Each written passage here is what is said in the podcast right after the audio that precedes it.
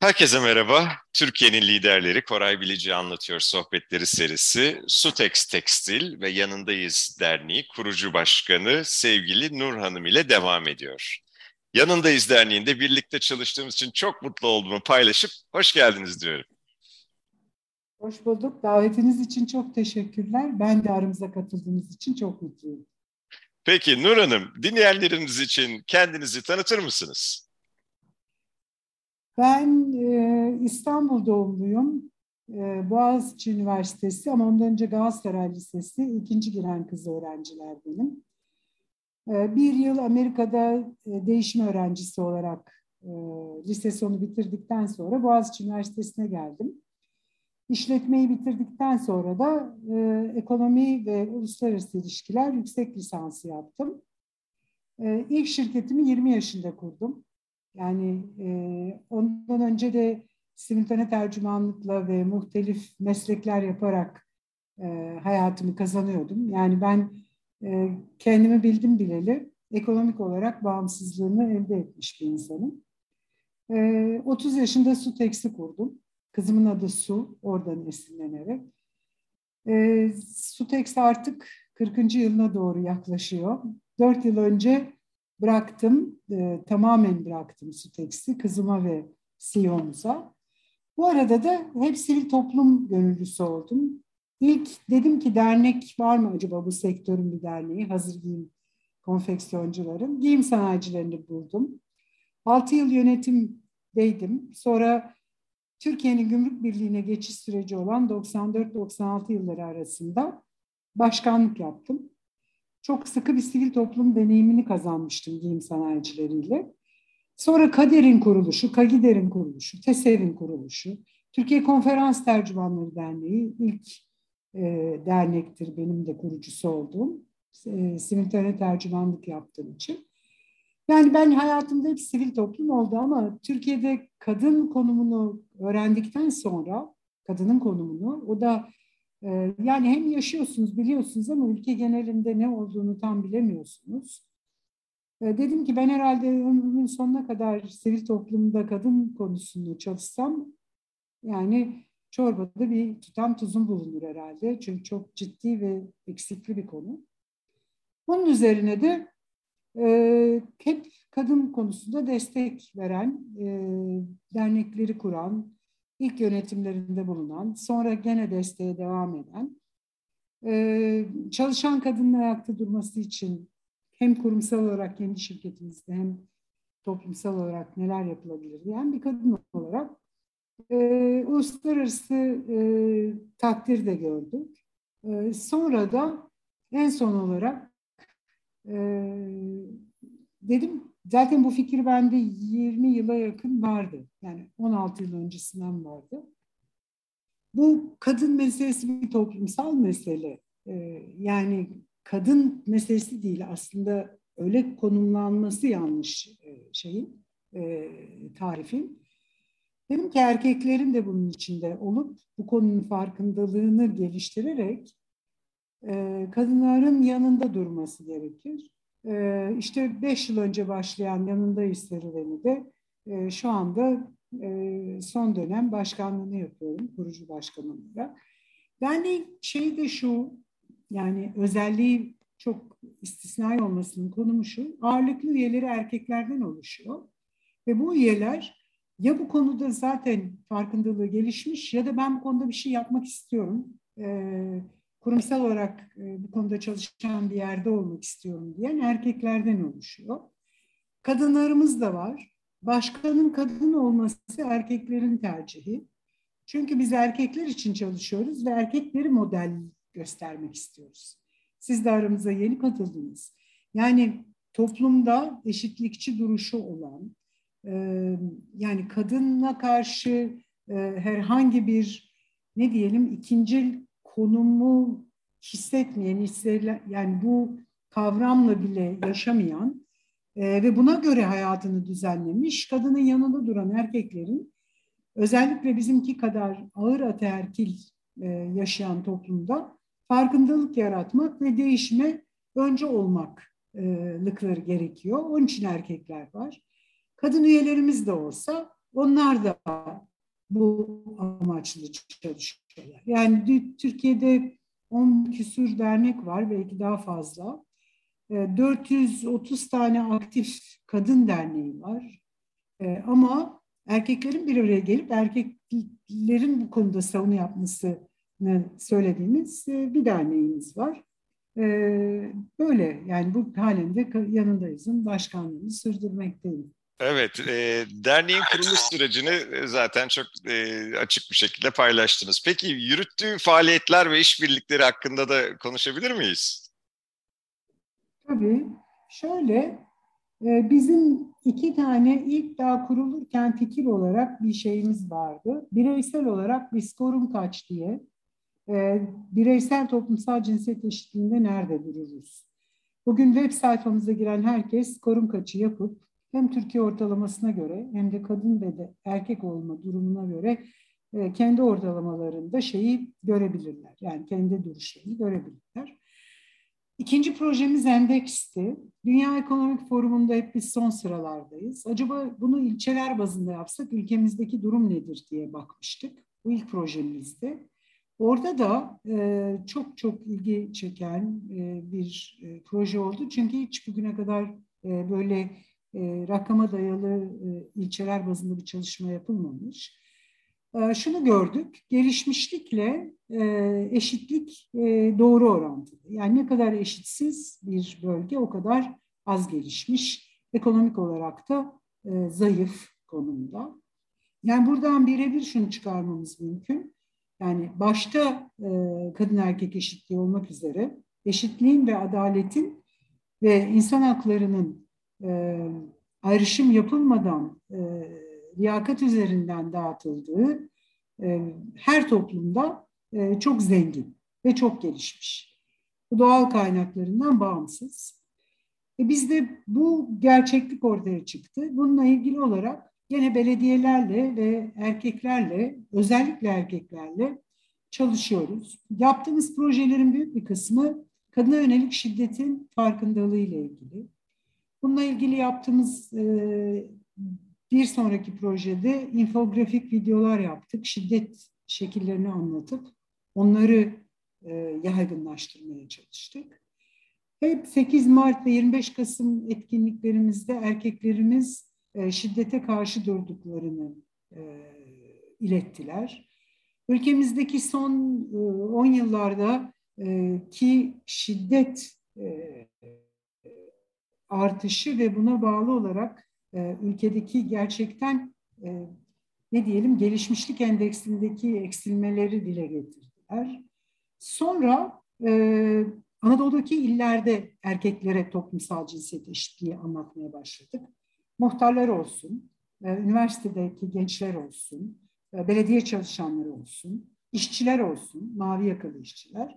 Biz ağırlıklı olarak bu alana yönlendik. Ve bütün projelerimiz şimdi bir şiddet el kitapçı çıkarıyoruz kurumlar için. Yani kurumun şiddeti önleyebilmesi için takip etmesi gereken adımlarla ilgili.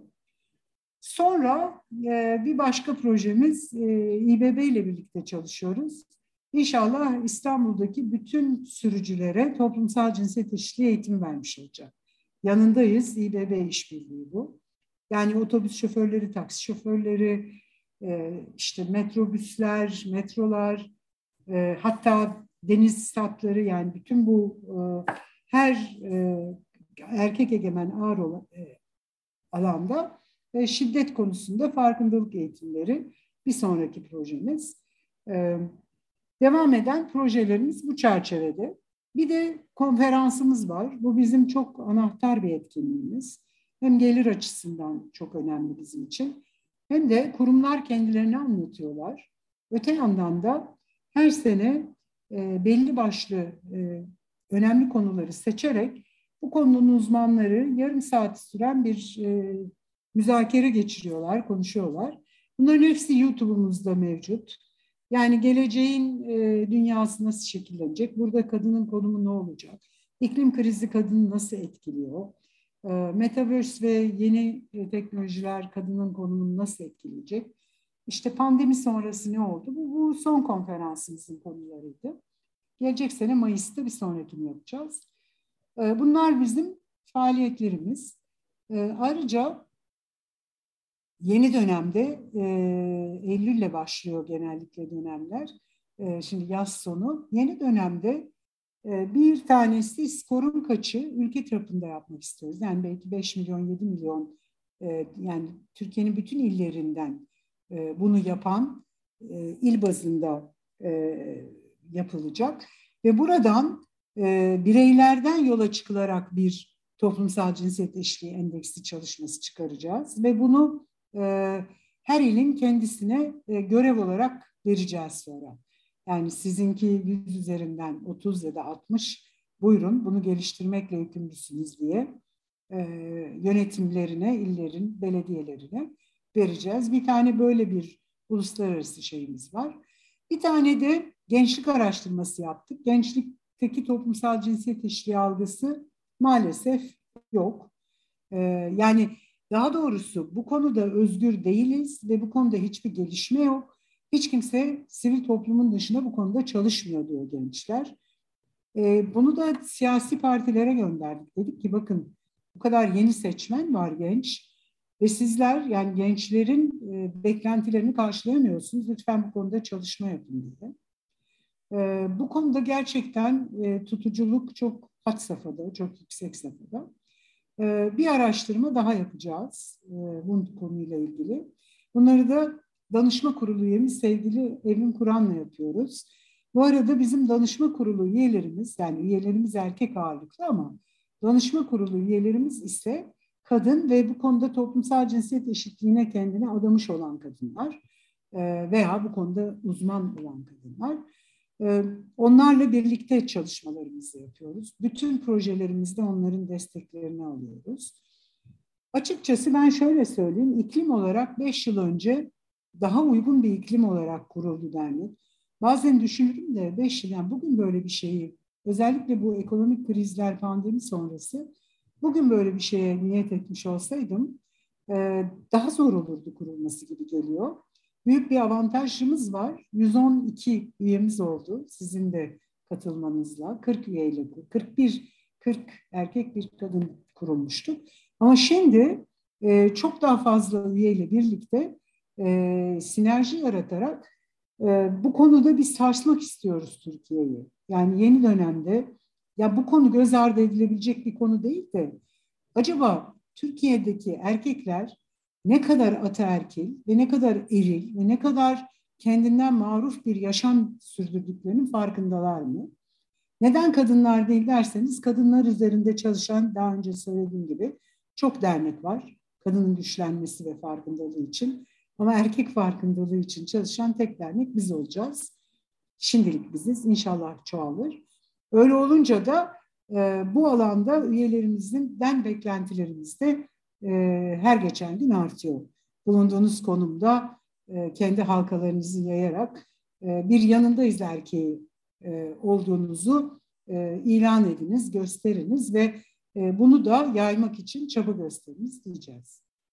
Çok hepsi gerçekten e, Nur Hanım çok değerli projeler. Toplumda bu bilinci e, yayabilmek için bütün katmanlarıyla e, her tarafa dokunduğunuz bir e, şey görüyorum. Bir ağ görüyorum. Ben de ve diğer dernek üyeleri de tabii ki ellerinden geleni muhakkak yapacaklardır. Peki derneğimizin e, artık gelecekle ilgili faaliyetleriyle ilgili de bilgi verebilir misiniz? Tabii. Yani şu, öncelikle iki tane daha projemizi e, verdik, bekliyoruz. Bir tanesi Amerika Büyükelçiliğine endeksin 3 yıl sonra yeniden e, yapılması ve karşılaştırılmalı olarak ortaya çıkarılması. E, bir projemiz bu. Bir diğer projemiz ise çok daha geniş kapsamlı gençlik üzerinde bir araştırma yapılması, özellikle kadına yönelik şiddet konusunda ve bu şiddet kategorisinde sanal yani sosyal medya ve sanal ortamdaki kadına yönelik şiddet araştırması ve bunlarla ilgili önlemlerin alınması ile ilgili e, proje geliştirmek ve e, belki, belki de belkisiz yasal düzenlemeleri de geliştirmek. Bu iki tane projemiz başvuruldu ve bekliyor. Demin söylediğim ülke çapında yapılacak olan e, ve bireylerin yapmasını istediğimiz korun kaç e, projemiz olacak. Bir de biz bu dönem üyeler arası ilişkileri pekiştirmek, derneğin farkındalığını arttırmak ve aynı zamanda üyelerimizi birer elçi haline getirmek için içeride daha yoğun çalışmayı hedefliyoruz. Yani her üyemiz bir başkanmış gibi derneğin faaliyetlerini veya kendi alanında dernek olarak neler yapabilecekse o alanda bunu bağımsız olarak götürmesi. Biliyorsunuz artık 20. yüzyılın ne yönetişim şekilleri ne de iş anlayışı 21. yüzyılla bağdaşıyor. Yani o e, şeyden başlayan, zincir otomasyondan başlayan e, ve bireyi tüketici olarak gören ve e, üretim bantlarında da sadece tek işi yapan ve ihtisaslaşma olarak gören bir yönetim ve insanla çalışma modeli tamamen değişiyor. Çok ne denir? Çok yetenekli insan, birden fazla işi götürebilen Aynı zamanda projeler konusunda bir araya gelip belirli bir projeyi yapıp dağılan, bir yerde kesin kalmayan, herkesin lider olabileceği, daha demokratik, daha şeffaf e, ve daha adil bir e, yönetişimin olduğu bir dernek. Aslında e, ben şirket olarak da hani savunduğum her şeyin yapısal olarak şirketimizde yaşanır ve içselleştirilir hale getirilmesine e, çok önem vermiştim. Şimdi derneğimizde de e, bu dönem yani benim e, Mayıs ayında sona erecek başkanlık dönemime kadar derneğin bu kültürün altyapısını kurmuş, içselleştirmiş ve üyelerini motive etmiş olması gerekiyor. Yani sizin güçlü olduğunuz kendi alanınızda her alanda böyle bir eşitlikçi bakış açısını geçirmek için yanındayızla birlikte yapabileceğiniz ne varsa onu yapmanız, buna bir kontrol, denetim, işte e, yönetim, yok yönetim kurulu üyesiydi, yok değildi gibi kavramları e, tamamen ortadan kaldırıp e, tamamen işlevsel bazda e, ve liyakat ve sonuç alıcı e, işler yapma bazında bir yönetişim yani ademi merkeziyetçi dediğimiz daha önce bir yönetişim modeli getireceğiz. Zaten bugüne kadarki bütün yönetim kurullarımız asil yedek üye kimdir bilmeden çalıştık. Yani biz ben mesela yönetim kurulu üyelerimizin hangisi kim asil, yani asil yedek diye bir ayrışım bile yapmayıp e, hep birlikte herkesin kendi alanında çalıştık. Şimdi bütün üyelerimizi angaje edeceğimiz bir modellemeye gitmek istiyoruz. Bir de bir soru o, oluşuyor. Şimdi herkes kadın derneği olarak bildiği için yani dernekçilikte toplumsal cinsiyet eşitliği zaman kadının güçlenmesi olduğu, Yönetim eşitlikçi, işte üyeler eşitlikçi. Niye bu dernek böyle değil? Şimdi burada biz bir de kendimizi daha iyi anlatmak durumundayız. Üyelerimize de anlatmak durumundayız. Yani burası erkekler için kurulmuş bir dernek ve erkeklerin erkekleri modellerini yapması için. Bizim bütün hedef kitlemiz erkekler. Kadının güçlenmesi için değil. Evet eşitlikçi bir yapıya kavuşabiliriz. Yani zaten kadın üyelerimiz var yönetimde bir dönem sonra yani benden sonraki başkandan sonra zaten hem kadın hem erkek üye sayısı da eşitleneceği için hem yönetim kurulu eşitliğini hem başkan kadın olabilir, erkek olabilir. Fark etmez bir yönetişime geçeceğiz. Bunun da kurallarını ve e, ne diyelim e, anayasasını yazacağız. Yani derneğin yönetişim anayasasını yazacağız. Böylece e, ben de gönül rahatlığıyla derneği emin ellerde eşitlikçi ve bunu yaymaya hazır üyeler ve yönetim kuruluna hazır olarak bırakıp e, bir sonraki e, şeyime geçeceğim hayatta, safhama geçeceğim. E, deneyimleriniz ve bilgi birikimleriniz hepimiz için çok değerli. O nedenle bu birikimlerden bizleri e, e, mahsus bırakmayacağınızı düşünüyoruz. E, peki bizi dinleyen erkek e, dinleyenler için e, vermek istediğiniz bir e, şey var mı? Bir mesaj? Mesaj tabii var. Şöyle, birincisi e, bir oturup şöyle düşünmelerini isterim.